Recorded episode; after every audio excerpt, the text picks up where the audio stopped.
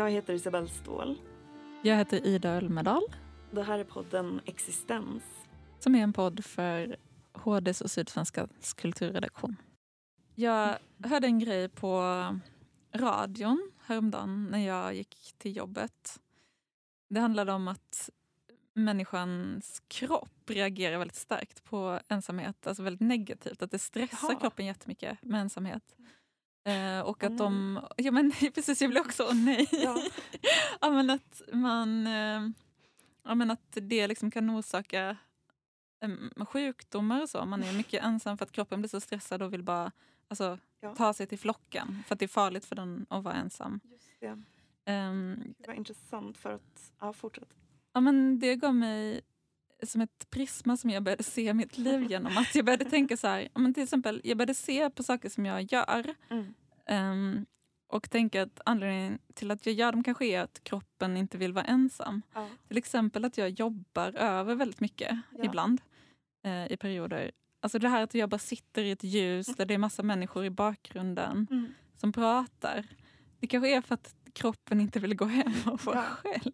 ja, tror jag all övertid historiskt liksom bottnar i på något sätt. Men det är väl också det där med att fylla en uppgift och så.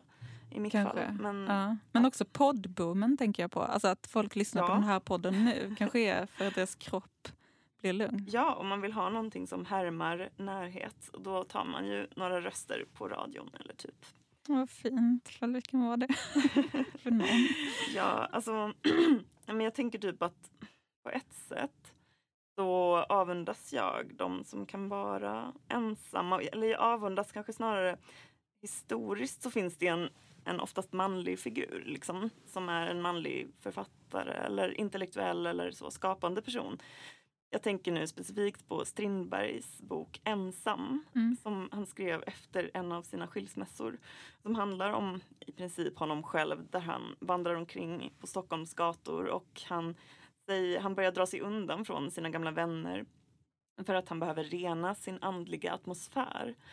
Ehm, och att han så eh, liksom erkänner att han behöver verkligen eh, ensamhet och Mm. att den är någonting renande Mm. just. Mm. Mm. Ja precis, för så har jag upplevt ensamhet fram tills jag hörde den här grejen på radion. att ofta är det ju helt, det är så, man känner sig ren. Ja, och jag kommer nu inte prata om introverta och extroverta för jag är så trött på de etiketterna typ. Ja. Men ehm, jag har nog också tänkt på ensamheten så, men kanske också i vår tids liksom diagnostiserande anda så blir även det potentiellt farligt och man börjar känna sig, men jag hatar sådana där rön för det är ungefär som sådana här rön som talar om för en att det är dåligt att vara stressad och man blir sjuk av att vara Ja, stressad. då blir man ännu mer stressad. Ja. Ja, alltså att allting är så farligt. Men, eh, nej men typ, jag, skulle, jag kanske saknar också så här en tradition av kvinnlig ensamhet. För typ, Mm. kanske så här i de gamla förmoderna klostren, Hildegard av Bingen och sådana, de drog sig undan i delvis i alla fall självvald ensamhet och det var någonting heligt. Ehm, Berätta om Hildegard av Bingen. Åh, jag kan tyvärr inte det Nej, för jag okej. kan bara historien tillbaks till- historia där. 1920. Ja. Men Bildningspodden har ett jättebra Ja. avsnitt om Okej. Hildegard av Bingen. Ja. Mm, men eh, där fanns det i alla fall liksom en tradition av en praktik där kvinnor liksom drog sig undan också från då att föröka sig och vara i en familj. Liksom. Det fanns verkligen ett rum för det. Mm. Um, medan man idag, alltså överlag tror jag ser liksom på ensamhet som, som något eh, nästan alltid osjälvvalt. Eller det finns Ja. ingen, det finns liksom inte heller några modeller då som Strindberg och de kanske manliga flanörer också som har rört sig i stor, storstadsmiljön liksom själv och behövt eh, ensamheten för att den förstärker sinnena, den förstärker perceptionen. Jag tror Mm. Walter Benjamin, den tyska filosofen, pratar Mm. en del om det. Att Mm. ensamheten skärper liksom, varseblivningen på något sätt. Och det tycker jag stämmer också för att ibland har jag märkt att om jag är ensam, kanske över sex timmar, att jag börjar liksom förnimma Ja, ja, men du besjälar kanske också det runt exakt. omkring dig. Eller? Hur visste du det? Eller det är precis så. Alltså, Nej, jag menar att alla människor gör det. Men, ja. Jo men exakt. Alltså, jag, Ja. jag pratade med min bror om det en gång. Att så här, man börjar uppleva att saker lever mer. Mm. Typ. Att Mm. de börjar te sig som mera mänskliga. Typ. Mm. En sak. Typ Mm. en... Gatlyktorna är så vänliga ögon som tittar på en. Ja just det. Precis. Eller kanske någon stol eller något. Ja. Eller vad som helst. Typ att, att hjärnan, ja men nu kommer jag tillbaks till hjärnparadigmet. Men att den börjar identifiera liksom, omgivningen som något potentiellt levande. Jag vet inte om det är som en så evolutionär tröst. eller- Precis, att den inte ska känna sig ensam. För att om den känner sig ensam så är det farligt. Exakt. Men eh, Ja, för att Walter Ja. Benjamin har ju också så här, han är besatt av tanken på att återbesjäla tingen på något sätt som de var i liksom det förmoderna medvetandet eller förhistoriska för då var världen besjälad. Alltså det här är en väldigt vanlig tanke inom romantiken också, eh, den litterära romantiken mm, på 1800-talet Mm. eller så. Eh, Mm. 1700 att drömmen om en mer besjälad värld där liksom träden också är levande och där Mm. varje liksom växter och alla liksom döda ting i världen Mm. har en själ. Just det, för det har vi pratat om förr. Att liksom, för jag tror kanske inte på att det var så förr. Eller liksom, jag tror inte på den historiska avförtrollningen på det sättet. Men i en Mm. människas liv så tänker jag att Ja, det funkar så. att Eller i alla fall att jag själv och så exakt. upplevt det som att träden är vänner som talar med mig nästa. Eller liksom som har personligheter och så. Och att man sen Mhm. genom livet måste lära sig att tänka att de inte har det. Verkligen. Och vissa- rationalisera bort känslan av att man befinner sig i en familj när man är ute i skogen. Typ. Just det. Ja men det har jag hört, i alla fall minst en bekant säga att hen tror på träd som, som levande varelser och upplever dem så också. Ja. Det har jag nog bara upplevt vid väldigt sällsynta och speciella tillfällen men inte Inte som barn heller. Ja, jo kanske mer då. Precis, Mm. för då besjälar man ju Barn är ju tokiga i att besjäla saker och Ja. jag tycker det är barnsligt men det är Jag tycker att det är det naturliga tillståndet som jag vill tillbaka till. Ja, men det tyckte Walter Benjamin också och han var ju mycket ensam. ehm, och typisk flanör, filosof, alltså en, en typisk, han rörde sig liksom ensam och Mm. tänkte och skrev i Mm. staden och liksom förnimde eh, intrycken och Mm. använde liksom sin egen kropp som en slags mottagare, alltså som en slags den var väldigt viktig i hans skrivande liksom. Mm. och det är någonting som sker då inom honom och inte kanske någonting han pratar om med, med andra.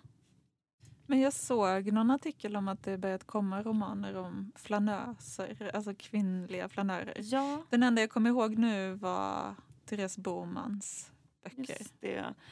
Hon är ju absolut en sån gestalt ändå lite i, fast i och för sig inte. För att om jag tänker på den enda jag har läst av henne, Aftonland. Aftonland, det var nog Aftonland som var exemplet. Tror jag. Ja, Men jag tänker ja. den andra kvinnan också.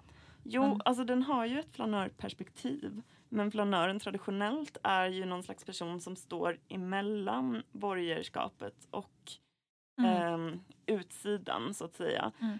Mm, och i de Mhm, mm. böckerna, alltså i alla fall i Aftonland, där är hon ju anställd på universitetet. Ja, Men det är klart att det finns ett perspektiv och kanske en känsla av eh, att befinna sig lite så på tröskeln. Man Just tittar det. in på borgerlighetens liv men man tillhör inte riktigt. Mm. ja Mm. men precis. Undrar ifall det då var den andra boken Den andra kvinnan. För den är ju om en kvinna, alltså ung kvinna som ännu inte har gjort sin klassresa och som Precis. dels då pluggar och också typ ligger med en man från, från borgerskapet faktiskt. Ja, en gift man från medelklassen som hon liksom vill in i och dras till det ljuset som han lever i. Ja, Eh, Vilket precis. jag kan komma ihåg hur det var.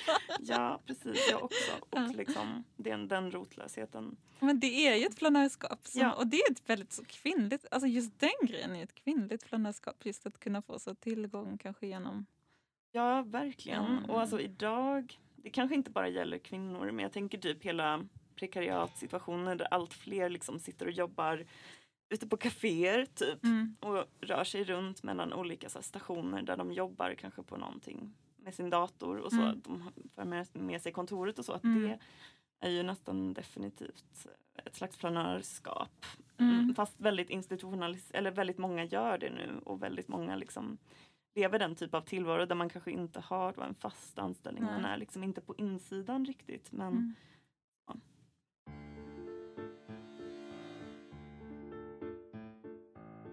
Det känns som att det är så tabu nu. Att just den här känslan av att komma till, till en stor stad och känna ruset av det. Du är ensam, du kommer till en stor stad ja, och du ser alla möjligheter. Du ser allt som bara, alla ljus som fladdrar förbi.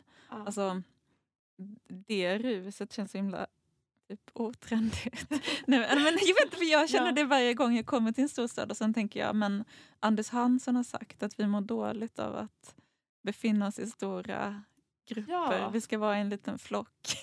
Ja, och sen bara, men jag är inte som Anders Hansson har sagt. Alltså Anders Hansson, den här populära psykologen Mm. som, eh, som pratade. Jag vet inte om det är just han som... Men du vet, det är, så här, det är en sån trend, utvecklingspsykologisk trend som är att man pratar om att typ, vi mår bäst av att vara i en liten grupp, en liten familj. Eh, typ, inte vara i en stor grupp där vi utsätts för social eh, stress hela tiden och så. Verkligen. Ja, då blir det ju oftast liksom familjen. För Mm. att vi har liksom inte i Sverige några så här er som är kvällsöppna där folk från kvarteret samlas. Utan vi lever nästan hela våra liv inom liksom lägenhetens och Mm. familjens Mm. väggar och så. Och typ den här flanörtillvaron den är mer som ett existentiellt hot. Eller typ Mm. att vara så rotlös, liksom att vara mellan anställningar och vara mellan sammanhang, det mellantillståndet. Det är liksom, det känner Mm. jag att det är verkligen, då känner man sig verkligen hotad Mm. på Mm. något sätt. Alltså typ, jag tycker nästan det är så med alla sorters såna här mellanpassager. Jag tycker Mm. också det är jobbigt att åka allt mer med åldern. Tycker det är jobbigt att vara på väg liksom till man åker från punkt A till punkt B. Va? Eh, Okej. Ja, Men det när jag var man- yngre älskade jag det. Och resa och så. Och resa Ja. mellan Stockholm och Malmö. Vi har ju pratat om det. Ja, jag vet. Åka tåg älskar jag. Mm. Flyga. Men, du allt det här har kommer att försvinna. Har... allt det här kommer tas ifrån mig. ja, precis. Men du har ju också typ ändå ett jobb där du Mm. är omgiven av människor 24-7 typ. Ja. Och där du är ansvarig för dem. Ja. Har både mycket makt och engagemang typ. Och alltså på mitt jobb som jag ändå gillar mer och mer. Där har Mm. jag kanske bara ibland vissa dagar en person Mm. på min, mitt kontor. Alltså vilket jag är tacksam för. Men det är verkligen inte den här bombarderingen av social nej, nej input, precis. liksom. Nej, men jag tänkte att jag skulle läsa lite ur Strindbergs eh, Ensam. Ja, tack. Han pratar om, efter sin skilsmässa då, att han väljer bort sociala sammanhang allt mer. På detta sätt blev jag så småningom ensam, endast hänvisad till det ytliga umgänge som mitt arbete nödgade mig till och som mest underhölls per telefon. Jag vill icke neka till att i början var svår, att eh, tomrummet som slöt sig omkring min person pockade på att utfyllas. Genom att avklippa kontakterna med andra människor tycktes jag först förlora i kraft. Men samtidigt började mitt jag att liksom koagulera, förtätas omkring en kärna där allt vad jag upplevat samlade sig, smältes och upptogs som näringsämnen av min själ. Därjämte vande jag mig att omsätta allt vad jag såg och hörde, allt i huset, på gatan, ute i naturen och hänförade, och hänförande allt jag förnam till mitt pågående arbete kände jag hur mitt kapital växte och de studier jag gjorde i ensamheten befunnos mera värdefulla än de jag gjorde på människor ute i sällskapslivet.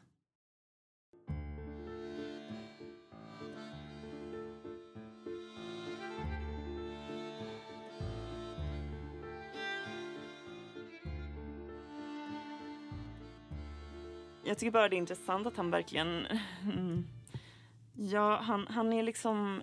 Det är ganska risktagande. Eller jag skulle känna så här att nu utsätter jag mig verkligen för en risk om jag Mm. typ väljer att vara själv så. Alltså, Vadå för risk? typ att bli galen, att bli liksom sjuk. Att, just för alla de här Ja. rönen om Ja. ensamhet är Mm. stressande, ensamhet är nedbrytande och liksom Mm.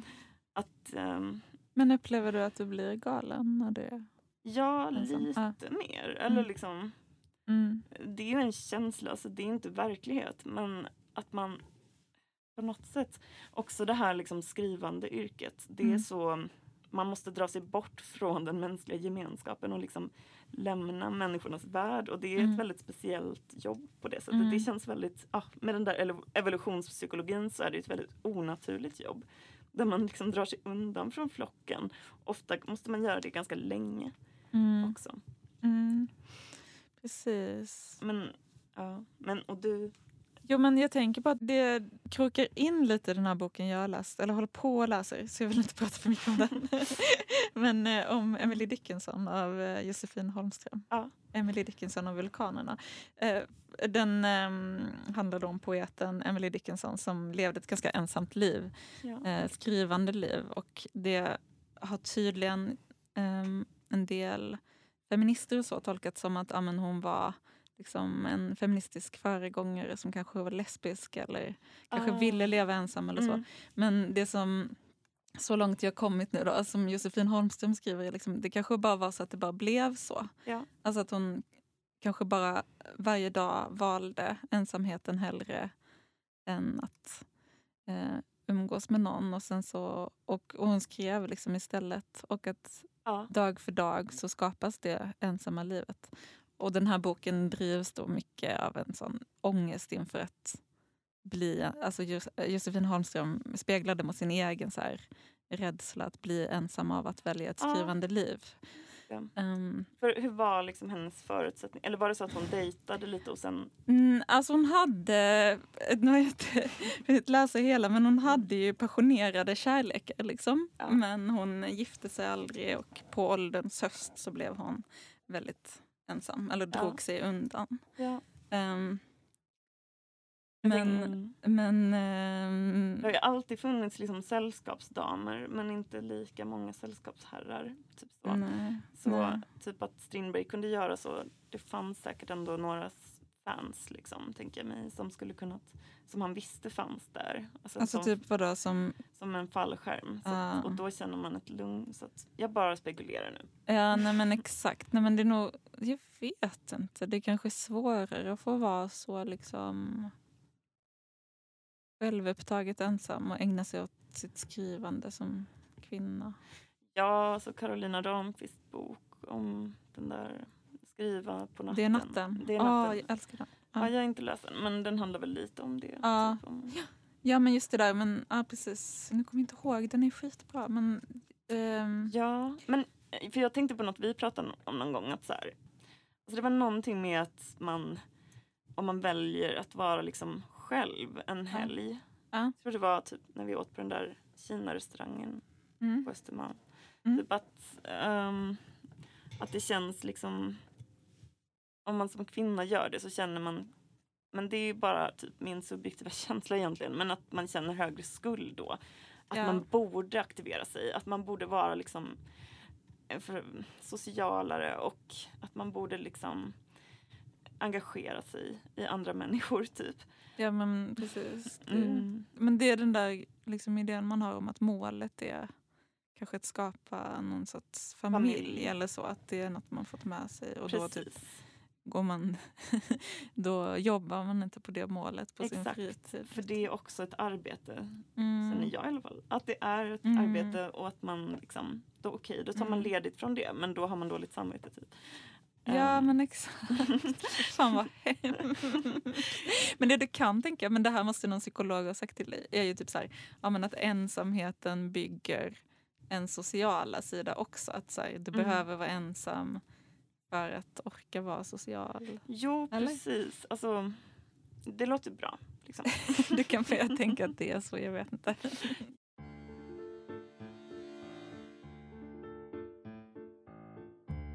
Jo men jag saknar ju, jag saknar så här, civilisationskritisk litteratur.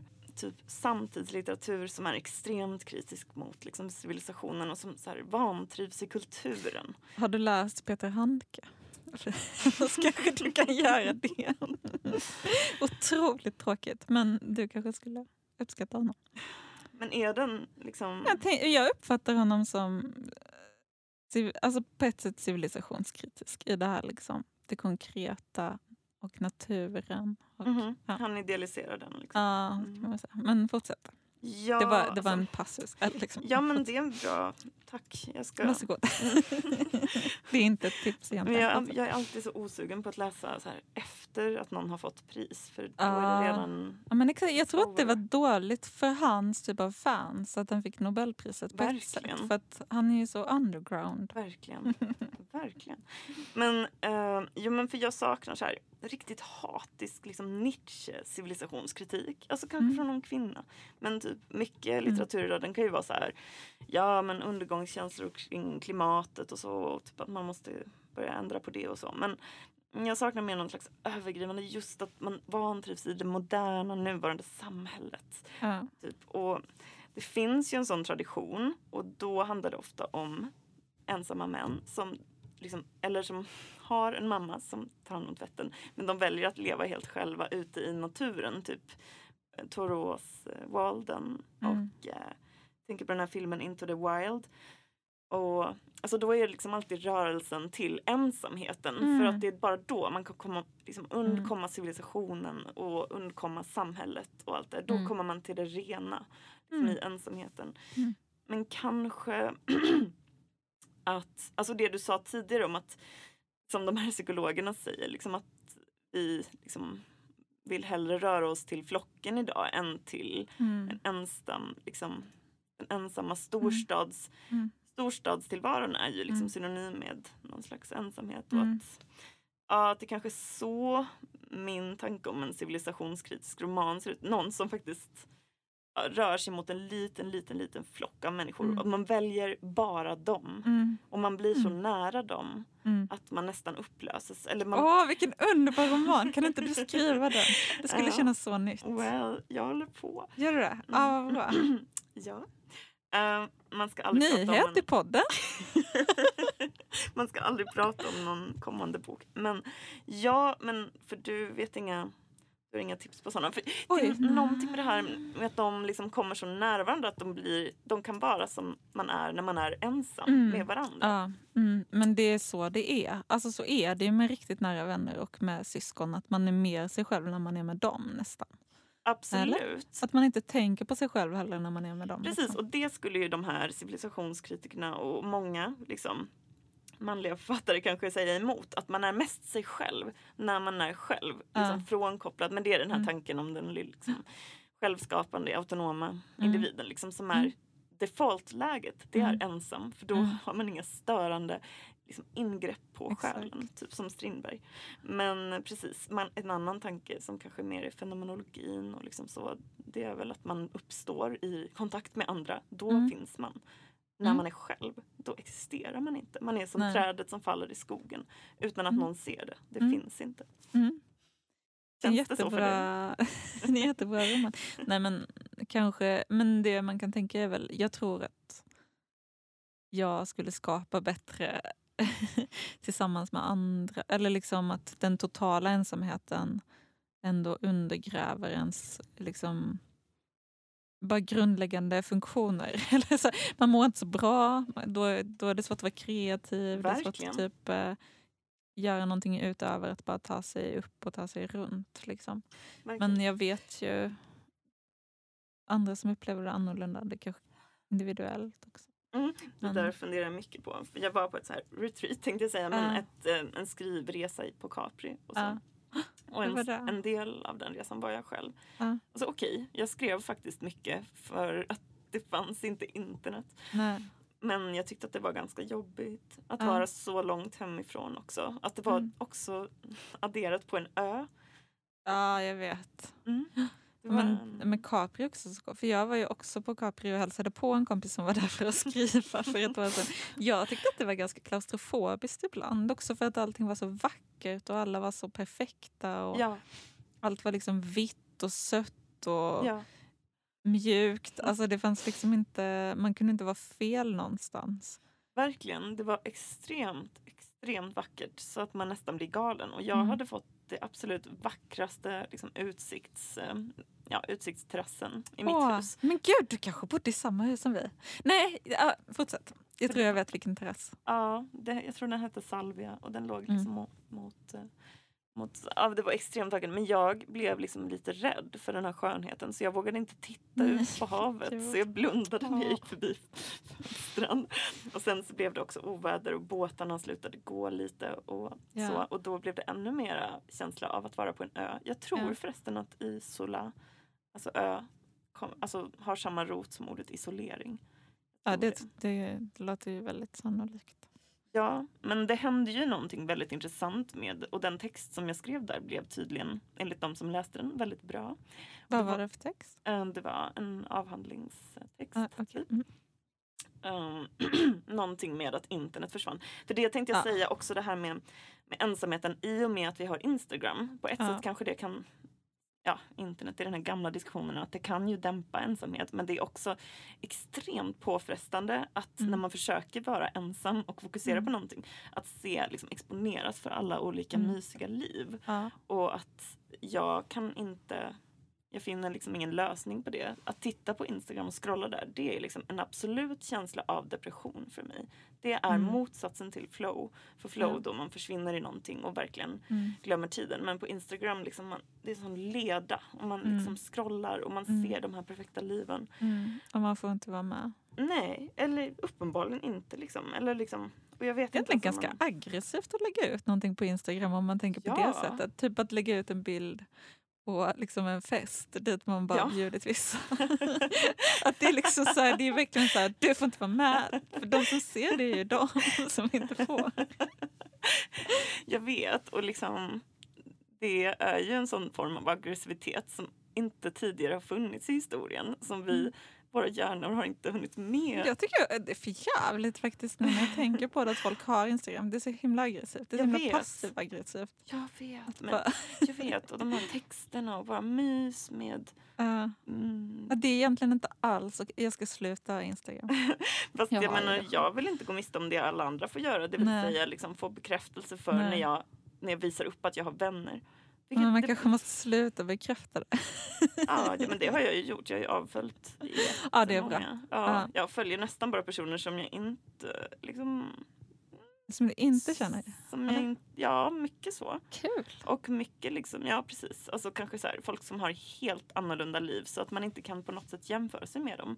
Och mycket Mm. liksom folk som har 12 hundar och så. Det Mm. tycker jag är lugnande. Mm. Nej, men, och det tror jag verkligen har förstört liksom, möjligheten att vara ensam. För det är alltid någon som är på semester på en strand med en grupp människor. Det är alltid någon som är bortrest, liksom, vilken dag den är på året. Inte samtidigt, men alla är ju där och visar upp det. Så att man kan Mm. aldrig undkomma det. Liksom. Nej. Ehm, Ja, nej, men det, för det jag fått höra är att det är bättre att bara följa folk man vill interagera med. För att det minskar känslan av... alienation. Ja, jag tror det. Men jag vet inte. Jag tycker att det är så tomt i sociala medier oftast. Det händer liksom ingenting som verkligen griper tag i. Nej, jag håller verkligen med. Och det är för att ingen visar någonting liksom, sårigt. Eller, Nej. eller en del. Kanske så här, det finns ju Six Sad Girls. De visar, de har sjukdomar. Ja, men exakt. Men det, Men Matilda Gustafsson sa det någon gång att så här, ehm, för när man var liten såg man liksom reklam och bara det var jobbigt. Mm. Men nu så ser man reklam fast i liksom mycket närmare i Mm. lokalsamhällets liksom mest lyckade man, alla visar upp sina Mm. liv som reklam och det är lika, eller värre. ja. Om man tyckte reklam var lite jobbig som barn så är det här ja. Verkligen. Deppigt. ja, om, vi måste, om vi måste runda av den här podden så... mm. ehm, Ja men det är väl att jag skulle typ vilja att man avdramatiserar eh, hur farligt det eventuellt är med ensamhet. Typ. ja.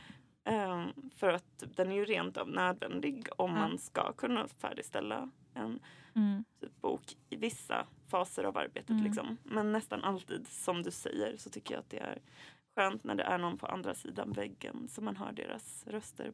Jag tycker folk borde bo som mer... Alltså generellt tror jag att jag skulle helst bo liksom ensam men i ett hus med folk jag kände. Ja, verkligen. Ja, men, och det tänkte jag säga också.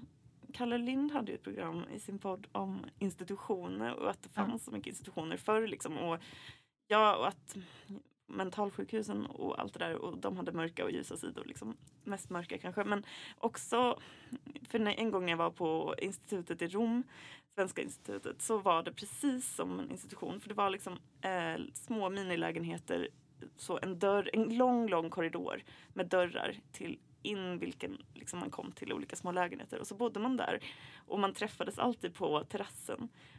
Eller typ eventuellt, jag tror att vissa hade kök men de flesta hade inte det. Så att man på något sätt där separata men ändå i en institution och jag mådde så bra av det. Ja, nej, men jag förstår verkligen det.